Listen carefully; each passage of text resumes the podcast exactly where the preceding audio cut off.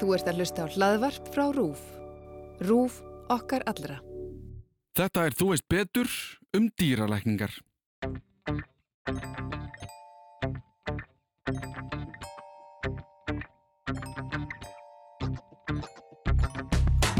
Breytt hegðun segir þér að það er breytt líðan. Eitt ári lífi dýra er mjög langu tími. Ég menna hundar voru bannaðir í Reykjavík alveg bara tangallið bara núna nýlega í raun og veru. Þá erum við komin aftur almennilega af stað með Þú veist betur og í þetta skiptið ætlum við að ræða aðeins um starf sem öll þau sem að eiga eða hafa átt gælu dýr kannast vel við. Þau annast þessa einstaklinga sem okkur þykir svo væntum en mér hefur oft liðið eins og þetta sé til törlega vantaklátt starf eða hugsanlega bara miskilið. Ég ákvað því að aðtuga málið ennfrekar og fekk til mín hönnu Arnósdóttur, dýralækni, til að ræða við mig um þetta stórmerkilega starf. Við byrjum eins og alltaf á kynningu frá viðmælandanum sjálfum. Ég heiti Hanna Mari Arnarsdóttir og ég er dýralæknar dýraspítalum í Garðabæ. Ég fór í þetta nám eftir að hafa skoðað ekkert annað frá því ég var bara krakki og einblind á þetta, lærði í Danmarku og, og náði mér í þá gráðu. Fór svo í framhalsnám þar líka og er það með uh, sérþekkingu á sjúkdómum í hundum og köttum. Svo hef ég bætt við með eftir það í atverðli dýra og þá sérstaklega þessa gæludýra þó að það er náttúrulega farin og allt hitt og er ennþá að læra og maður læri bara svo lengi sem maður lifir.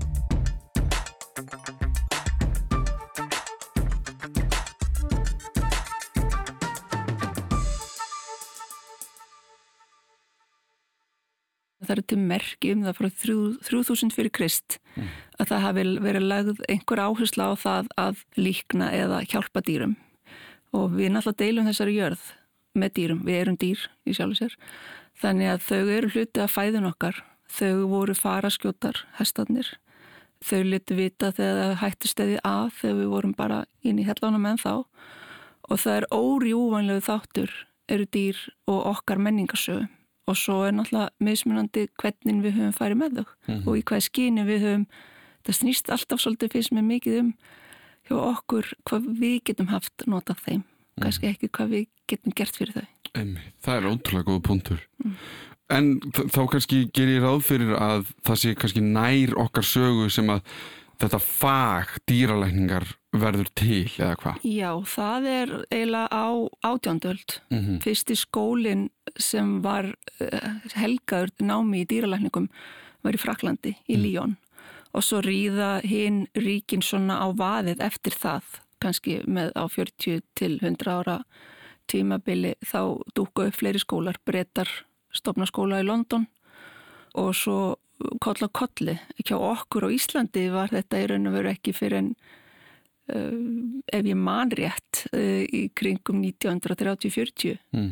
sem að fyrstu dýralækninni kom að hingað. Áður fyrir voru náttúrulega fólk á bæjum sem hefði mikla einsýn í, kunni á dýr, kunni á dýr og Já. voru svona, þetta er náttúrulega líka fullt af svona tyktúru fólki með alls konar segði og annað mm. en svona mentaði dýralæknirinn fyrsti. Hann hefur komið hérna minna þessi 1936 eða 4 ég mannaði ekki alveg. Og svo fjölgaði þeim tölvert eftir það, þess að 50% eða það er eitt þá náttúrulega fljóta að verða tveir og svo leiðis og upp á 1960 erum allan heim komin svona vísir af meiri það sem fólk er að stopna saman eða vinnur saman Já, bara stöðum í dýraspítalar eða, já, eða þannig, út, út í heimi sko. hér var það síðan aðeins síðar sko. en, en þá fara að vera meiri lækningar áður voru þetta kannski meira einblínt á uh, fæðuriki. Við fórum að hefja útflutning til Breitlands á, á sláturafurðum og það þurfti að heilbriðu skoða það. Þannig Já. að það verði ekki verið að huga velferð eða líðan eða heilsu dýra heldur bara próduktunu, hvort að það veri hæft til manneldis. Mm. Og svo eftir það þá fyrir að koma meiri þekking og það verður farið að gera keisarar á kindum og en auðvitað var svolítið einblind á hestin fyrst, hann var náttúrulega þarfast í þjóðnin mm -hmm. fólk þurfti hann til að komast á milli í hernaði erlendis og fyrir heimstyrjöld það var náttúrulega bara sýst, og það er á undan sko. Allstað voru hestar í öllum þessum myndum sem við sjáum, Napoleon og allt þetta. Þannig að, að þar var kannski náðist eh, mestu mesta þekkingin í byrjun og svo færðist þetta yfir aðra tegundir, nöðgrippi og, og svo kollakolli, síðast kannski gæludýrin og, og hérna svona dýr, dýri dýragörðum sko. Já, af því ég veldi fyrir mig sko í byrjun þessi, dýr, þessi skólar, hvað eru þeir þá að einblina á? Hvað, hvað er þetta að læra þú veist árið 1900 eða eitthvað í, í dýrlækningarskóla er það bara þetta, sérst, hvað eru sníkjudýr í dýrum og, og eitthvað svoleiðis, út frá heilbreyðsjónamiði Já, það er hversu þetta var náttúrulega asset, þetta var eign og þetta var, þetta tryggði þér öryggi, eh, sem sagt eh, fæðuöryggi og þú gæst selt og skipt á eins og sagt hérna all búpenningur mm -hmm. en hestarnir voru, það var mjög mikið einblind á hestana ég man það bara til dæmis frá mínum skóla í Kaupmannöf að í safnunu þeirra þá sérst, það var sér, sér tjörn eh, fyrir utan skólan sem að í gamla gamla dag var notu þegar þeir fengu eh, svo kallega svona eh, sjúkdóm í, í hófana að því að það var kannski já, það dýr sem var í mestum hávegum haft mm -hmm. Þá, mm -hmm. út af notkunni e, menn voru ennþá að veiða sér til matar og svo leiðis náttúrulega 1600, 1500, 1700 þannig að lambúnaðurinn var vissuliti komin og, og, mikið komin og kannski komið kettinir inn myndið við fórum að hefja kordrakt sem var náttúrulega lungu-lungu áður mm. en, en hesturinn var svona það var mest áherslu að lögða það og svo var náttúrulega vissulega með ekki gleyma þátt dýra í læknisfræðinni að því að menn notiði dýr til að kanna starfsemi innan líkamanns mm -hmm. hvernig ákveðin líffæri störfuði og hvað gerðist ef við kliftum á þetta eða þetta og, og Hljóma, já, já, ég ætla ekki að fara að tala um það hérna en, en það er það er kannski það sem við þurfum að hafa í huga í, sagt, er það að þessar dýralækningar eiginlega samena þessa tvo heima mannalækningar og dýralækningar mm. dýralækna þurfa þekkin á menn við þurfum að þekkin á súnur eða þá sjúkdóm sem geta borist frá dýrum yfir í menn og mönnum yfir í dýr Já. bara eins og COVID-19 okkar nýlega við getum séð út frá hefðum dýra og jáfnvel viltra dýra hvað er að gerast í umhverjum okkar mm þetta er svo opbáslega vitt og breytt og dýralagnar lagna marga tegundir mannalagna lagna eina tegund Já. en saman eru við bara órjúvanlegu þáttur af öryggi þessa heimsko og það er einmitt sko að, að því þú nefnir þetta með, þú veist, læknarnir okkar þeir eru bara, það er mannfólkið en ég meina dýraspítali ég meina ég er með ketti upp á dýraspítala og það er ef maður er bara þar í tímindur að býða eitthvað, þá getur komið hundur og köttur og síðan kemur hérna einhver kanina eða mús og síðan einhver fuggl, mm. þú veist, þetta eru allskynns sko snýst eða snúast, snýst saga dýralækninga að einhverju leiti um uh, helst hún í hendur við kannski ég er að fara að segja virðingu við dýrin.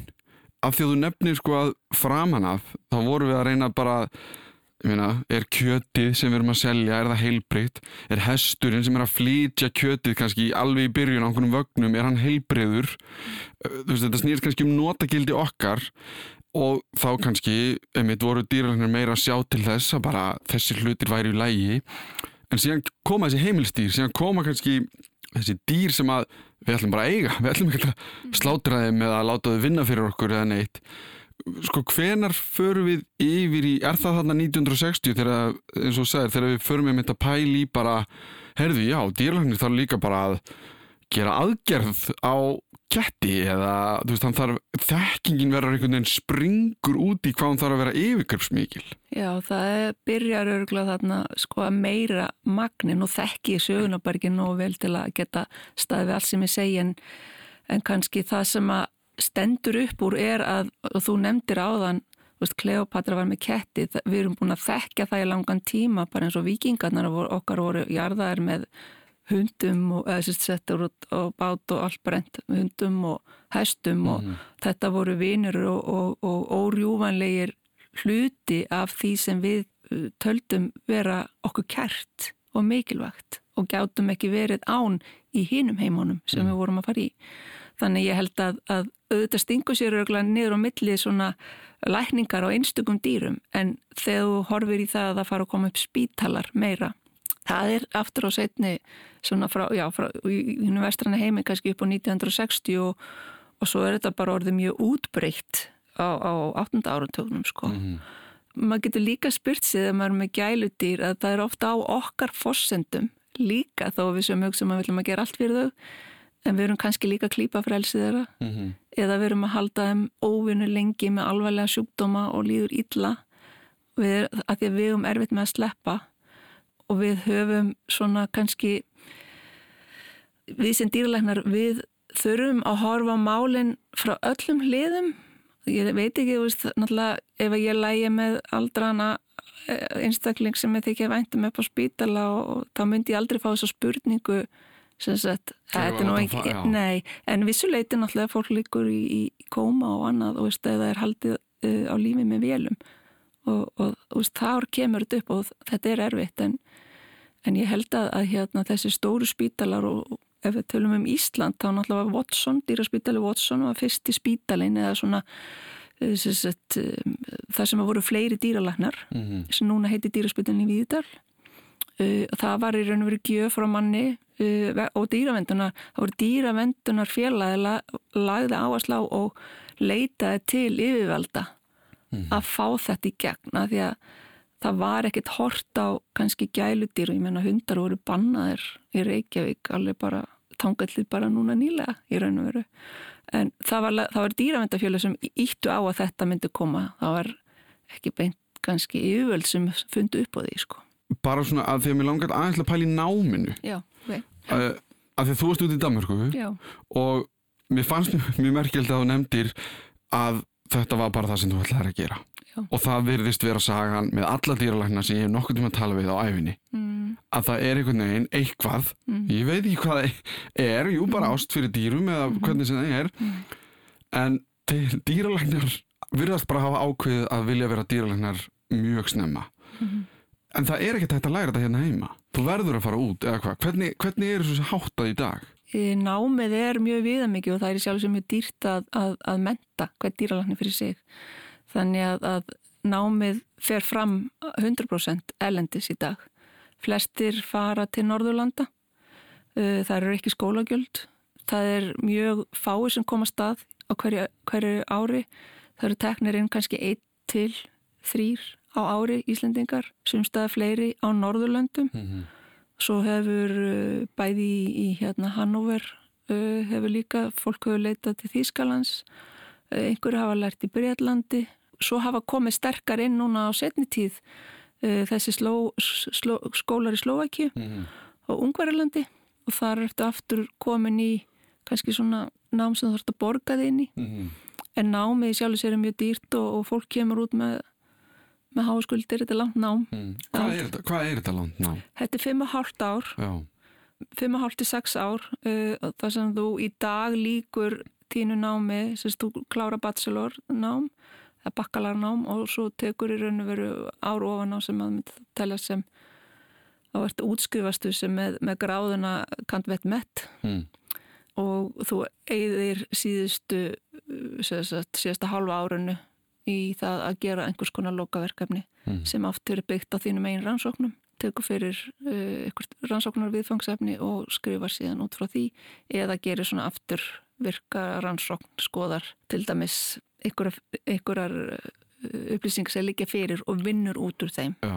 Já, retro En, en bara, því að, bara því að þú nefndir að, að þín sérhæfing væri hundar og kettir mm -hmm. og síðan atferðlisfræði mm -hmm. með, svona setna meir og mhm. eins og það er alltaf að læra mm -hmm. en þessi sérhæfing líka hún hlýtur að vera aðeins nýrri eða hvað Já, það eru margi kostir í dag að góða við að vera uppi á, á þessari öldir það að það er komnið svo mik mikið að úrvali mm -hmm. af, af postgraduate eða sérst, endurmyndun uh, og svo náttúrulega mastersnám eða þú vilt taka diplom eða þú vilt taka síðan bara doktor.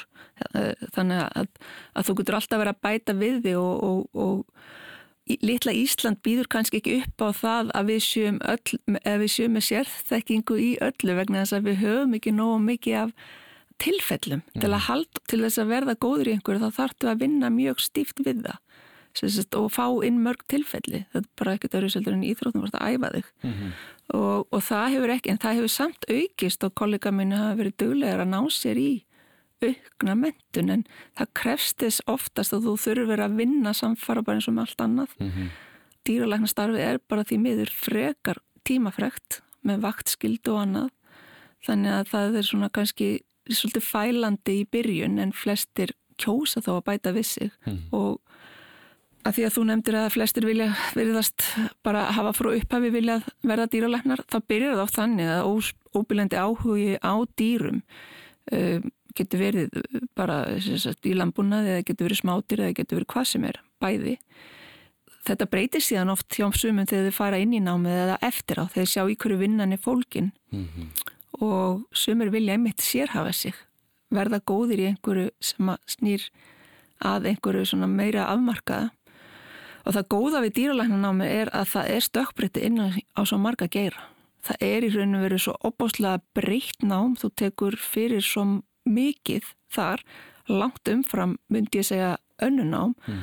að þú hefur brú yfir í svo marga aðra greinar og við erum vön og við erum þjálfuði því að horfa á tengingar við þurfum að tengja, við getum ekki spurt sjúklingana, við þurfum að spyrja eða hlusta á eigundur, við þurfum að horfa í það hvernig aðstæður hafi verið áður en eitthvað gerist og, og, og hérna hvað getur hafi leitt til þessa sjúkleika þessara hegðunar að því hún nefndir atverðlið mm -hmm. að atverðlið er kannski nýjast af þessu eða behavior medicine mm. það er svona það nýjasta sem er komið upp innan dýralækninga vegna þess að við þurfum að horfa í atferðli til að gera eitthvað grein fyrir, eða horfa á dýrið til að gera eitthvað grein fyrir hvað getur verið að. Mm. Það er ekki nóg að taka blóð og pröfur og annað og það kannski líka svolítið sem vantar tíman í hjá læknum held ég. Þú veist, bara reynlega að við leifa manneskyn að tala. Þannig að við þurfum að eða tími því að horfa dýrið, að skoða dýrið, að spyrja spurningar langt aftur í tíman. Já. Að það eru þessar tengingar sem að það er það sem að heila mig við þetta að maður er stundum í svona hálgjörðu Sherlock Holmes starfi stundum. Já, finna svar við einhverju gátu. Finna svar við einhverju sem enginn sér. Nú höfum við farið aðeins yfir sögu dýralækninga. Framan af snýrist þetta kannski mestmengni sem að tryggja gæði kjöts sem átt að selja eða flytjúr landi. Þá þurfti allt að vera á hreinu. En svo þróaðist þetta enn frekar og fór að snúast líka um dýrin sem við höldum heima hjá okkur. En eftir því sem við færum snærn út tímanum þá langaðum við til að vita hvernig hefðbundin dagur í lífi dýralækna væri. Sko hefðbundin dagur þú vaknar oft með það sem að gerist í gær í huganum eða þú sopnar með það á kottanum alltaf. Það sem er kannski hefðbundin dagur er fælst í því að taka móti sjúklingum og eigandi þeirra. Í, hjá okkur er það náttúrulega mótnan eru gerum við aðgerðir og tökum inn í rannsóknir og svo reynir maður að vinna úr þeim upplýsingu sem hefur fengið. Þær getur verið mjög misvísandi. Það koma margir eigundur að dýrónum, þeir eru ekki alltaf sammála, mm -hmm. þeir eru ekki alveg með sama innsæð í þetta og það fylgir ekki alltaf allar upplýsingar með. Þannig að maður þarf stundum að, að kalla eftir því frekar. Það sem er kannski mest frustrasjónin fyrir mig, ég er nú búin að vera í þessu 1997 hér, það er þegar að, að, hérna, að þér finnst þú ekki geta klárað, þú finnst þú ekki ná sagt, í raun og veru almennir niðurstöðu eða þarf að útskýra fyrir fólki ég veit að dýrið þetta veikt eh, ég veit að með þessi enginni og við getum synd þessu en ég veit ekki hvað orsaka það. En ég hugga mig alltaf við það þannig er það líka hjá kollegum okkar í mannalækningum. Þannig að þegar maður leggur það til hliða þá getur maður alltaf eh, stutt sér við það að þú ert alltaf að hjálpa í þínum huga eða stuðja við eigandan að fá lausn á sínum málum. Stundum getur lausnin verið svo að svæfa dýrin mm -hmm. og, og það er vissulega réttjáður að það getur verið bara mjög erfitt og traumatist. Dagurinn hjá mér og mínum kollegin getur verið þannig að þú lappar frá einu skoðan herbyggi þar sem þú ert að kveðja heimilisvinn eftir kannski 12-14 ár og það eru fjölskyldan að kveðja þennan góða vinn og svo ertu kannski að fara að bólusetta korpina stærmiki þannig að þú, þú farði engan tíma rosa öfgar. Já, og það er maður læri vissa, þú læri vissa tækni við og svona, en það er alltaf eitthvað af þessum tráma sem þú tekur með þér þessist frá fólkinu. Veist, og tala ekki um náttúrulega ef það eru dýr sem að lendi í ömulegum aðstæðum og, og uh, líða mikla kvalir eða hafa líðið mikla kvalir og og annað. En, en svona getur dagurinn verið, hann getur líka verið bara léttur og löðumannlegur þar sem hann tekur fullt af sínum og fær svo að setjast í tölvuna og smásjána og, og finna út úr einhverju pústli sem að maður segir svo bingo, ég er komið með þetta og getur klappa sér aukslina mm -hmm. en svo fer meðhandlunin í gang. Og það er kannski erfið meðhandlun eða lang, ævilöng eða, eða kostar mikla peninga og fólk hefur ekki fjárráð til þess, mm -hmm. lifin, erfitt að dósera, mínisjúklingar geta verið frá sko 100 grömmum og upp í 86 kíló. Þannig þau eru kannski sem er lifin mm -hmm. þannig að það er alls konar áskorunni sem við mætum sem eru skemmtilegar en það geta líka orðið líjandi. Það er óskup og svo náttúrulega á þessum tímum í dag þegar við lifum þegar að samfélagsmiðlarnir eru komnir og það er hægt að hengja fólk á einu auðabræði með, með einni einhliða frásögn. Að það veit ég að er að draga dýralandi döða út um allan heim Já. bara reyna uh, við höfum blessunulega verið duglega að styrkja okkur innanfrá og við vitum að við erum alltaf að reyna að gera okkur besta og við tökum þessi samtölu við fólk. Við minnst alltaf betra að taka, tala við fólk auðvitað til auðvitis og það er ekkit endilega markmiðið að, að allir verða á einni skoðun mm -hmm. heldur bara að allir fá að vera sitt. Það kemur sjaldan fyrir að við missum dýr þegar það gerist þeirra hrikalega erfitt. Og, og þá er mikilvægt að fara í gegnum það sagt, hvers vegna það gerist. Þegar þú segir missa dýr að að, er það að meina er það að meina óvænt já, já, það getur verið til dæmis bara dýr sem kemur inn í einfalda aðgerð og er með hefur þá verið með uh, sagt, hefur verið fríst og ekkert búið á og það kannski fyrir hjartastopp mm -hmm. í mhm. aðgerð uh, við reynum okkar að endur líka við en náum því ekki, við höfum ekki sömu tæki og mannalagnar mm. og við, sömu, við getum móniterað allt sem við mögulega getum en, en það er bara mun meiri líkur á dýrdegi aðgerða yfir 30% meiri líkur á dýrdegi aðgerða heldur manneska vegna þess að, hérna, þau get ekki satt frá hvernig þið líður áður að þau koma mm -hmm. Vist, að einhver myndi síðan ef að köttur er útiköttur og gerir alltaf sína þar úr úti og eigandin hefur ekki árið vara, hann er kannski með blóð í hægðum frá því bara í tvö ára eða eitthvað. Segir kannski nei við blóðpröfu þannig að við vitum ekki það blóðleysi og svo gerist þetta. Þetta er erfiði hlutin það er að vera að gera sagt, 100% vera með að hálgjera fullkomna áröttu líka. Sagt, þetta er fólk sem er duglegt að læra. Mm -hmm. Við fær háar einhvern til að komast inn í þessu skóla er erfitt að komast inn í þessu skóla. Og svo gerist þetta. Já. og þá fer það efast um sína eiginleika. Maður þarf að fá hans sem er grá hár til að vita það að þetta er bara lífið. Þú, það, þú ferð ekkert í gegnum eitt eða neitt á þess að verða fyrir einhverjum áföllum og þau eru ekki alltaf þér að kenna og sjálfnast mm -hmm. og sko að, bara því hún nefndir samfélagsmiðla mm -hmm. að í mannheimum, eða þú veist í okkar lækningum og öllu því það er nóg af Google sem hægt er að koma sér í þegar maður er að googla mér líður svona svona svona og þú færð hinn ára þessa niðurstöður út af því. Mm -hmm. hvað þá að fara með það á samfélagsmiðla og segja mér líður svona svona svona hvað ætli sé að mér? En það er eftir að tala við fólk þú veist, þar getur þú talað við sjúklingin og ég gerði þáttinn um krabbamein sem dæmi og þar var hann að nefna að þetta er samtal, hvað ætlum við að gera, hvað viljum við gera og sjúklingurinn getur komið fram með sína skoðun á því hvað hann vil gera og við getum ræ, rættað kannski. Í þessum tilvikum er það kannski erfiðara af því að þú ert með mannesku sem er að taka ábyrð á einhverjum öðrum einstakling, einhverjum, einhverjum annari lifandi veru sem mm. oftar en ekki þeim þykir alveg gríðarlega væntum. Mm. Og ég hef orðið vittnað í meir og meira að, ég, ég held ekki inn á einhverju katagrúpu eða eitthvað og fólk setur mynd af einhverju eða hvernig sem það er, segir sögu kötturinn minn er svona svona svona hvað á ég að gera? Og ég hef aldrei skiljaða af því að ég hef alltaf að hugsa ok, ef það er eitthvað að ef ég ætti barn og það var eitthvað að þá myndi ég ekki fara á samfélagsmeil og segja sonu minn er að hósta blóði, hvað á ég að gera mm. ég myndi fara að fara på helsugjöfslega spítala eða eitthvað en af því við erum búin að nefna kostnaðan og eitthvað, þá er og fólk sé svona smá eitthvað en að reyna að komast mm. hjá því að borga einhvern ákveðin pening mm. með því að fá huggun á netinu að einhver, seg, að einhver á Facebook segir já þetta er ekkert mál eða eitthvað, þá þurfum við ekki að pæla í þessu mhm. mín leið að þessu hefur alltaf bara verið ef, ef það er eitthvað að sem losnar ekki á einhverjum er þetta ekki annar hlutur varandi samfélagsmiðla? Eða sko, kannski spurningin, eigið þið jafn mikið við læknarna á internetinu eins og kannski læknar hjá fólki eru að eiga við meira og meira og meira?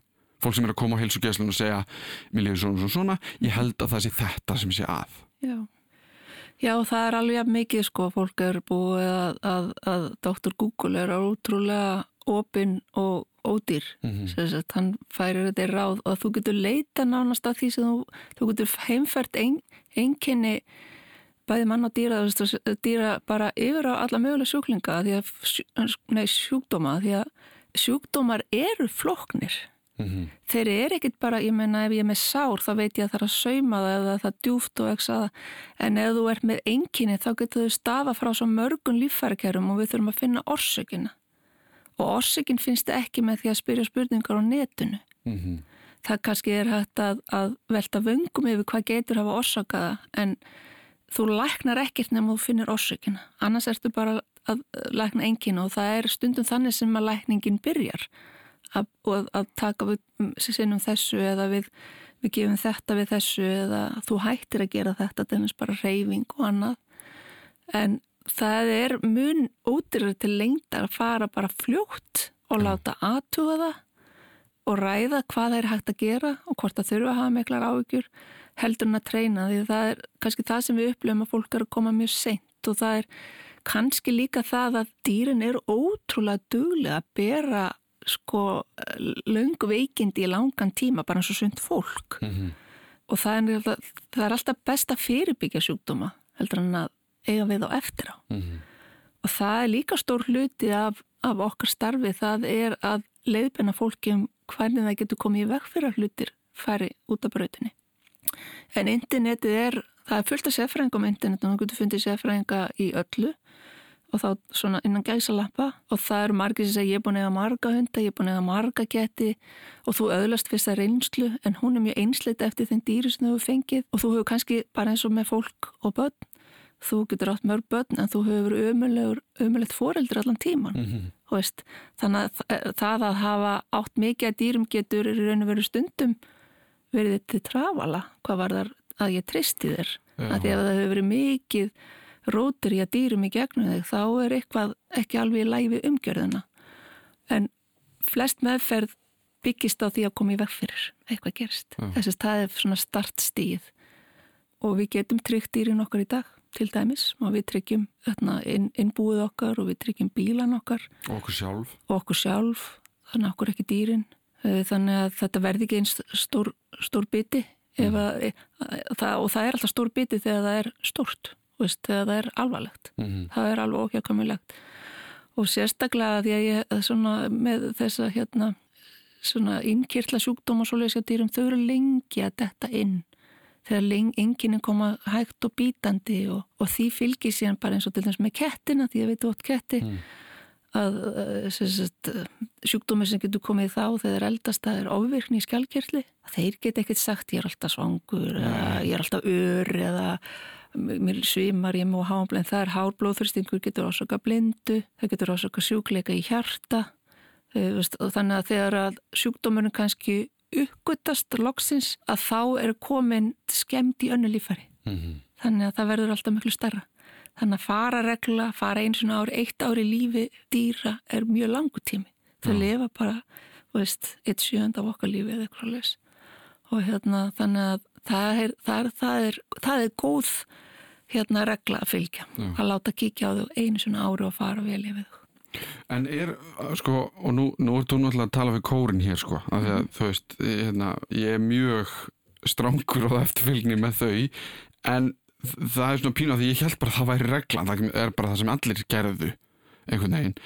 Þá kannski, það er leiðir að næstu spurningu að því að það sem ég hef lært á mínum árum sem kattarægandi er að mestu leiti frá ykkur þú veist bara í þessu samtali við dýralæknuna sem er að sjá um mín dýr að ég læri til mis já ok, drekkur hann, borðar hann ok, þá, er, þá getum við aðeins séð til mm -hmm. ef er hættur að drekka og hættur að borða mm -hmm. þá skulum við fara að pæli hvort það sé eitthvað alveg að mm -hmm. þú veist það er svona litla reglur sem yeah. sapnar yeah. snýst ykkar starf þó líka að vissuleiti, að því ég fekk minn kött og ég var bara búin að googla hvernig, þú veist hvernig sér maður um kött og, og svona almennt kannski En ég veit að þú getur lesið bara bækur eftir bækur eftir bækur um atverðli katta og umönnun og bara hvernig sem það er.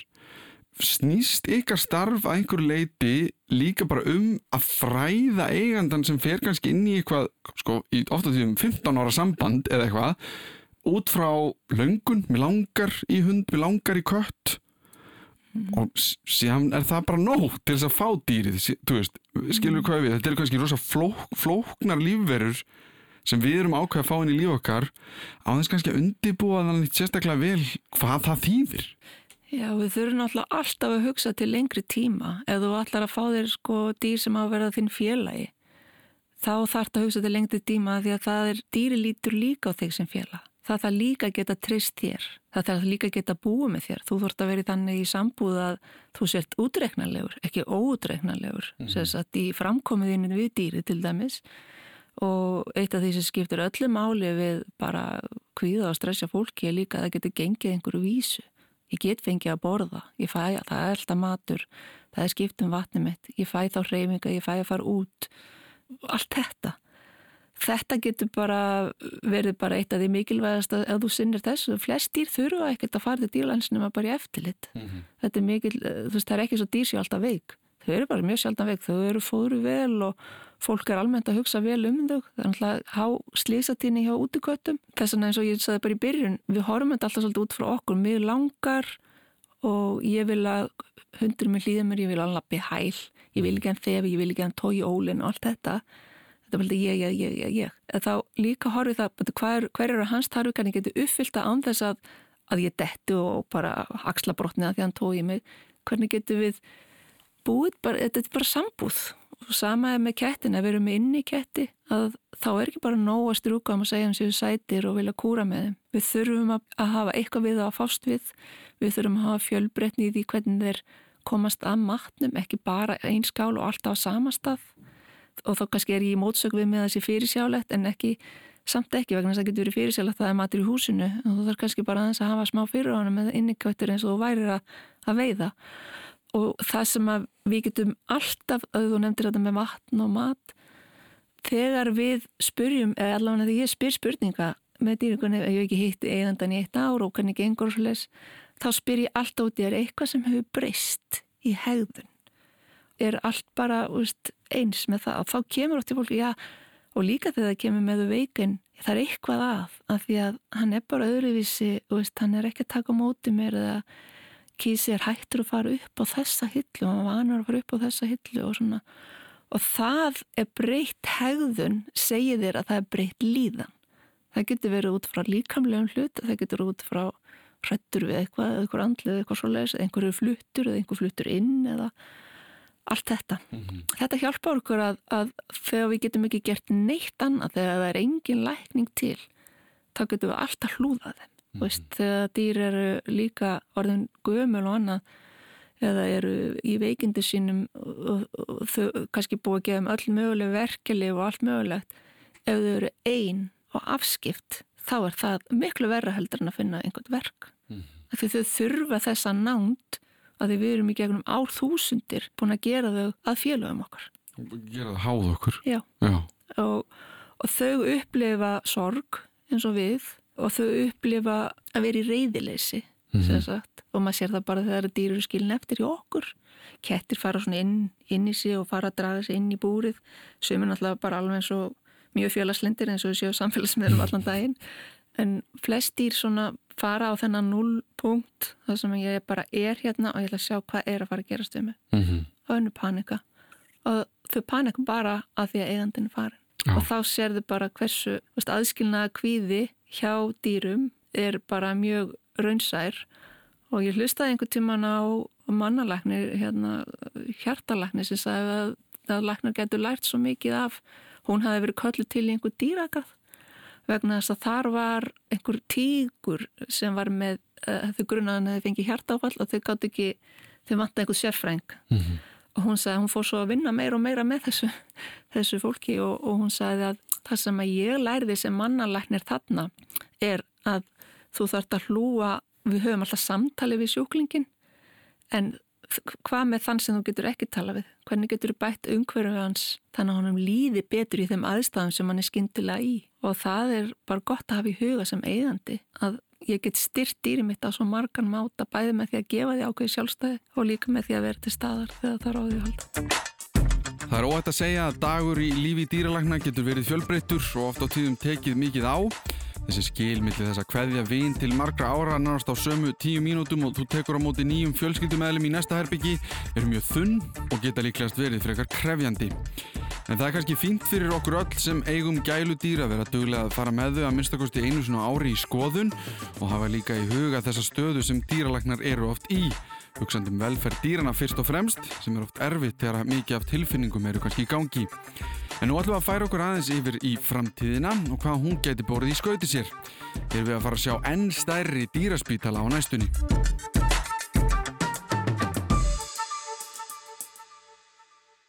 Það eru náttúrulega risastóri spítalar úti. Veist, þeir eru í þrjum fjórum byggingum og það eru kannski 25 læknar og mm -hmm. 50 hjúkurnarfræðingar. Þú getur alveg farið inn í svona stóru spítala og háskóla. Sjúkróðsinn er náttúrulega bara, það er allt gert sem er gert við fólk og við verum líka mun að allt sem er gert við fólk hefur verið gert við dýr áður en við reynum það á fólki.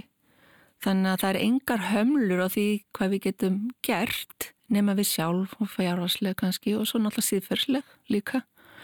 Uh, ég sé ótrúlega spennandi tíma framöndan vegna þess að ég sé þetta bara sem að tala um eina heilsu, One Health konceptið mm. að því að við uh, heilbriði okkar er í takt við heilbriði dýra og öfugt og ekki bara hvað var þar fæðu öryggi heldur bara með eins og með súnur kannski mögulega er kannski það sem er mikið spennandi eru þessi fjarlakningar sem mm. gætu komið til það sem að dýralaknir getur aðstofa fólki gegnum tölfur ekki með aðgerðir eða annað en með ráð og með áhyggjur og svo lífegjöf eða annað. Og það, bara, það vandamál hér að fá dýralagna út á landi. Mm -hmm. og það kannski ég sé það ekki sem algjör að lausn vegna þess að þú þart að hafa fysiskt dýralagna til staðar. En það er eins og bara lagnar sem að sinna þeim sem er út á tórunum okkar. Mm -hmm. Þetta er, er, er bara mjög spennandi. Og svo líka lærum við af tilfellum sem sagt bara læknar geta lært af tilfellum innan dýra og öfugt sem sagt. Og það er til dæmis eitt dæmi til dæmis bara þetta hérna broken heart syndrom eða þess að það er að fólk fekk fyrir hjartáfall af sorg. Mm -hmm.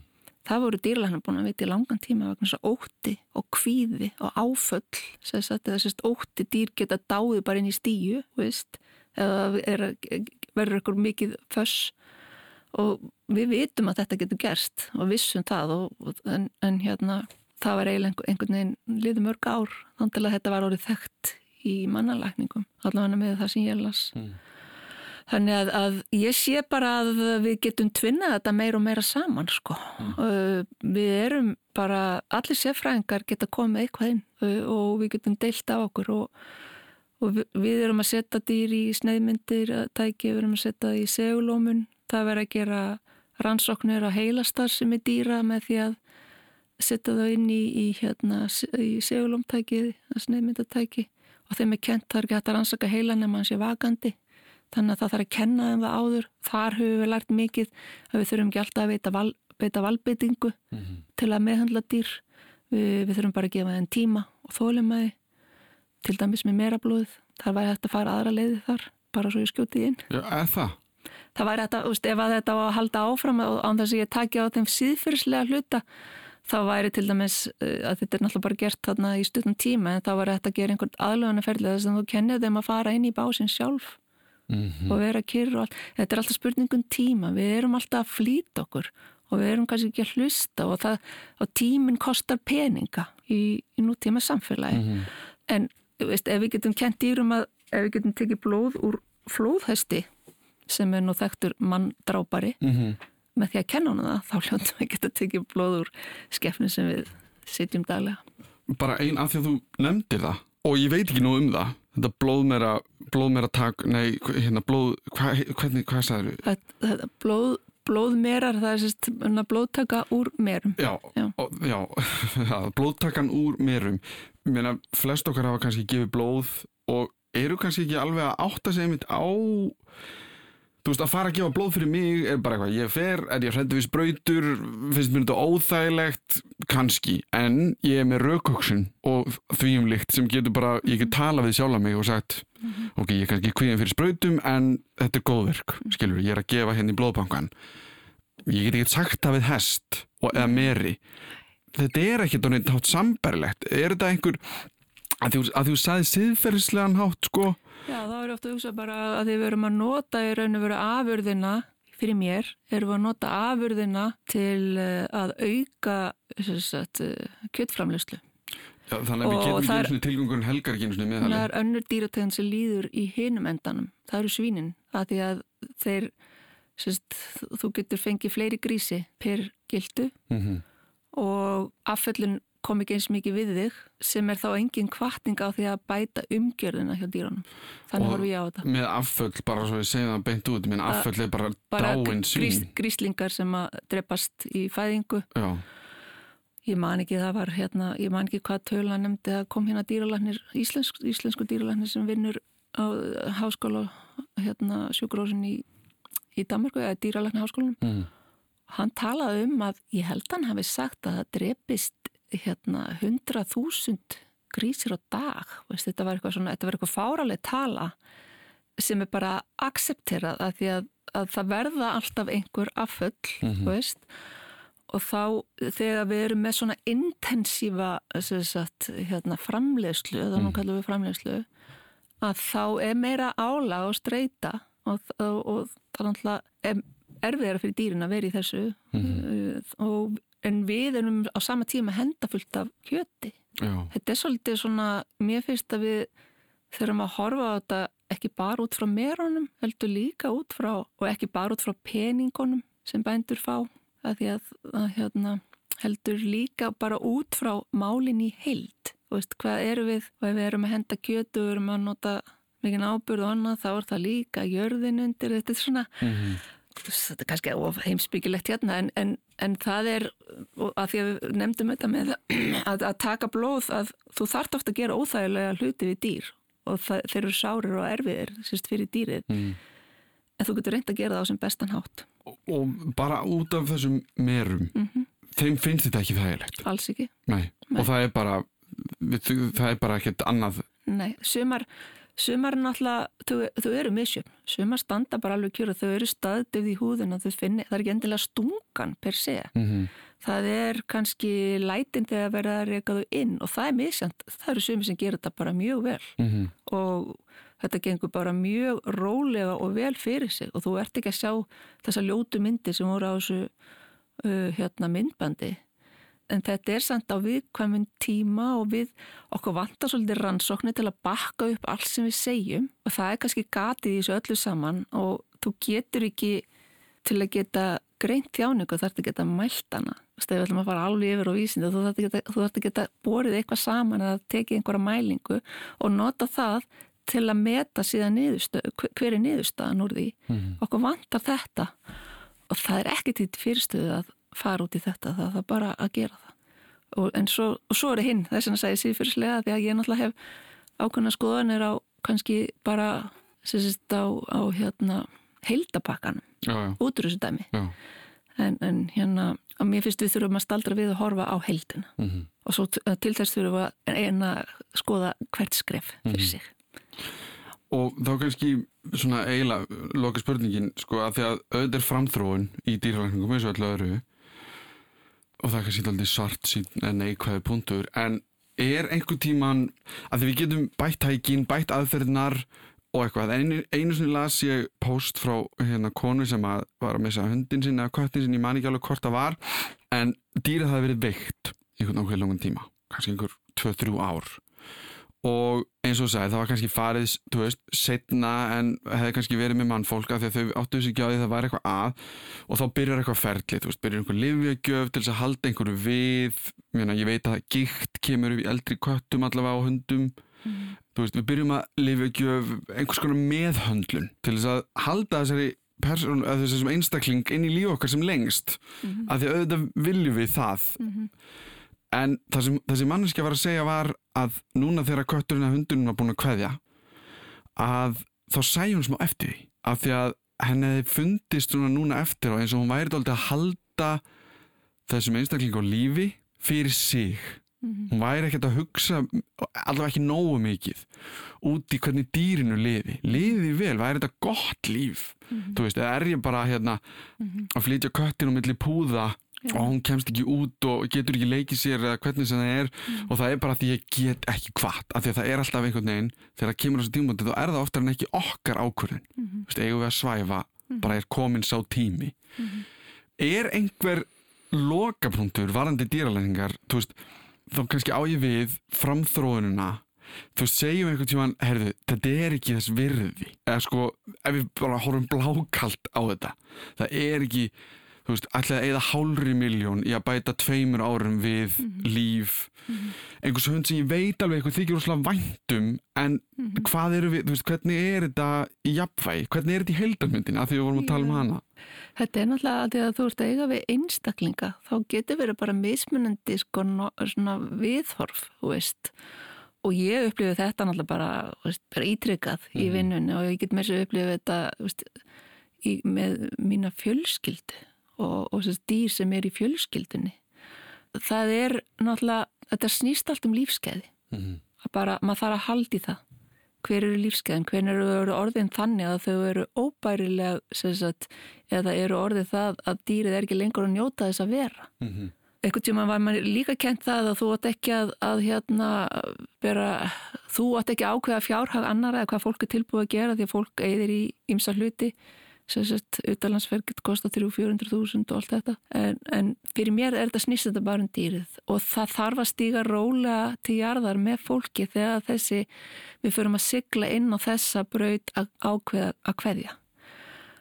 Ef að það er bara gert þetta gengur ekki lengur veist, þetta er bara, ó, þú, getur ekki haldið eina hund og, og eins og margir fá að heyra frá sínum kannski vinum eða félögum þá sem átt að segja enga veginn á því um hvað það er að tala. um hvað liggur undir.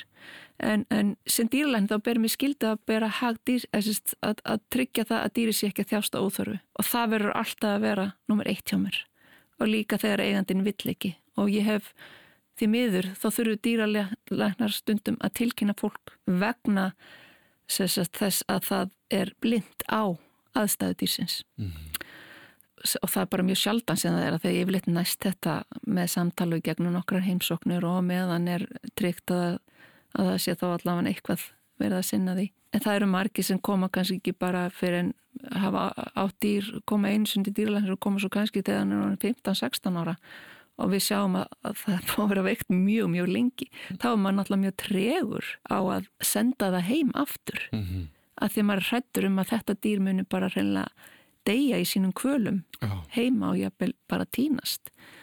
En hérna, mörkin eru alltaf sett út frá dýrunum Já. og verður að vera. Það má aldrei vera þannig að, að það sé okkar en það getur verið svona alltaf svona smá gangur í því þannig að fólk er farið að sættast og farið að sjá við þessa stundum ámar þetta samtal kannski bara á föstudegi og strax á mándi ringir og við komandi segir ég er tilbúin að kveðja. Af því að þetta samtal hefur verið það gott og þau fóðu líka tjá sína áhyggjur Mhm. og enginn vil sjá dýr sitt þjást, ekki neitt. Nei. En þú getur orðið svolítið blindur á það og til nokkuð sem heitir náttúrulega vannraksla án þess að vera viljandi og svo til viljandi vannraksla þegar þú bara, þú veist, ég, hann er þarna en ég ætla ekki að, hafa, ég ætla ekki að horfa á þetta, ég ætla ekki að hafa ágjur af þessu, sko, ég bara. En þetta er sjálfgeft. Flestir eru, og flestir myndu vilja fá þessa leið fyrir sig, þú veist, ef, ef það væri svo komið. Mhm. Þannig að þjáning er engum kær, döðin er hluta lífin. Þetta er, svo, þetta er svona bara klísjan en hún er svo sönn sko.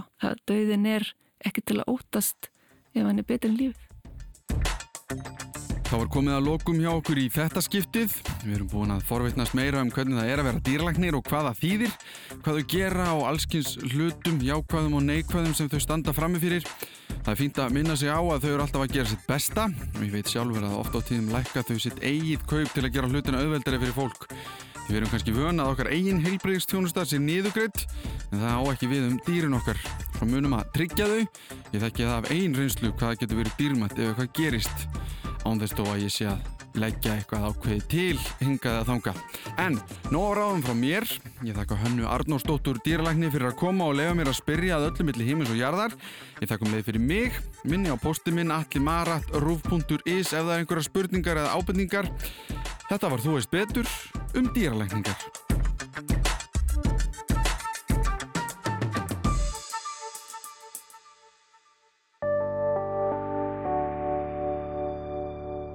Rúf okkar allra.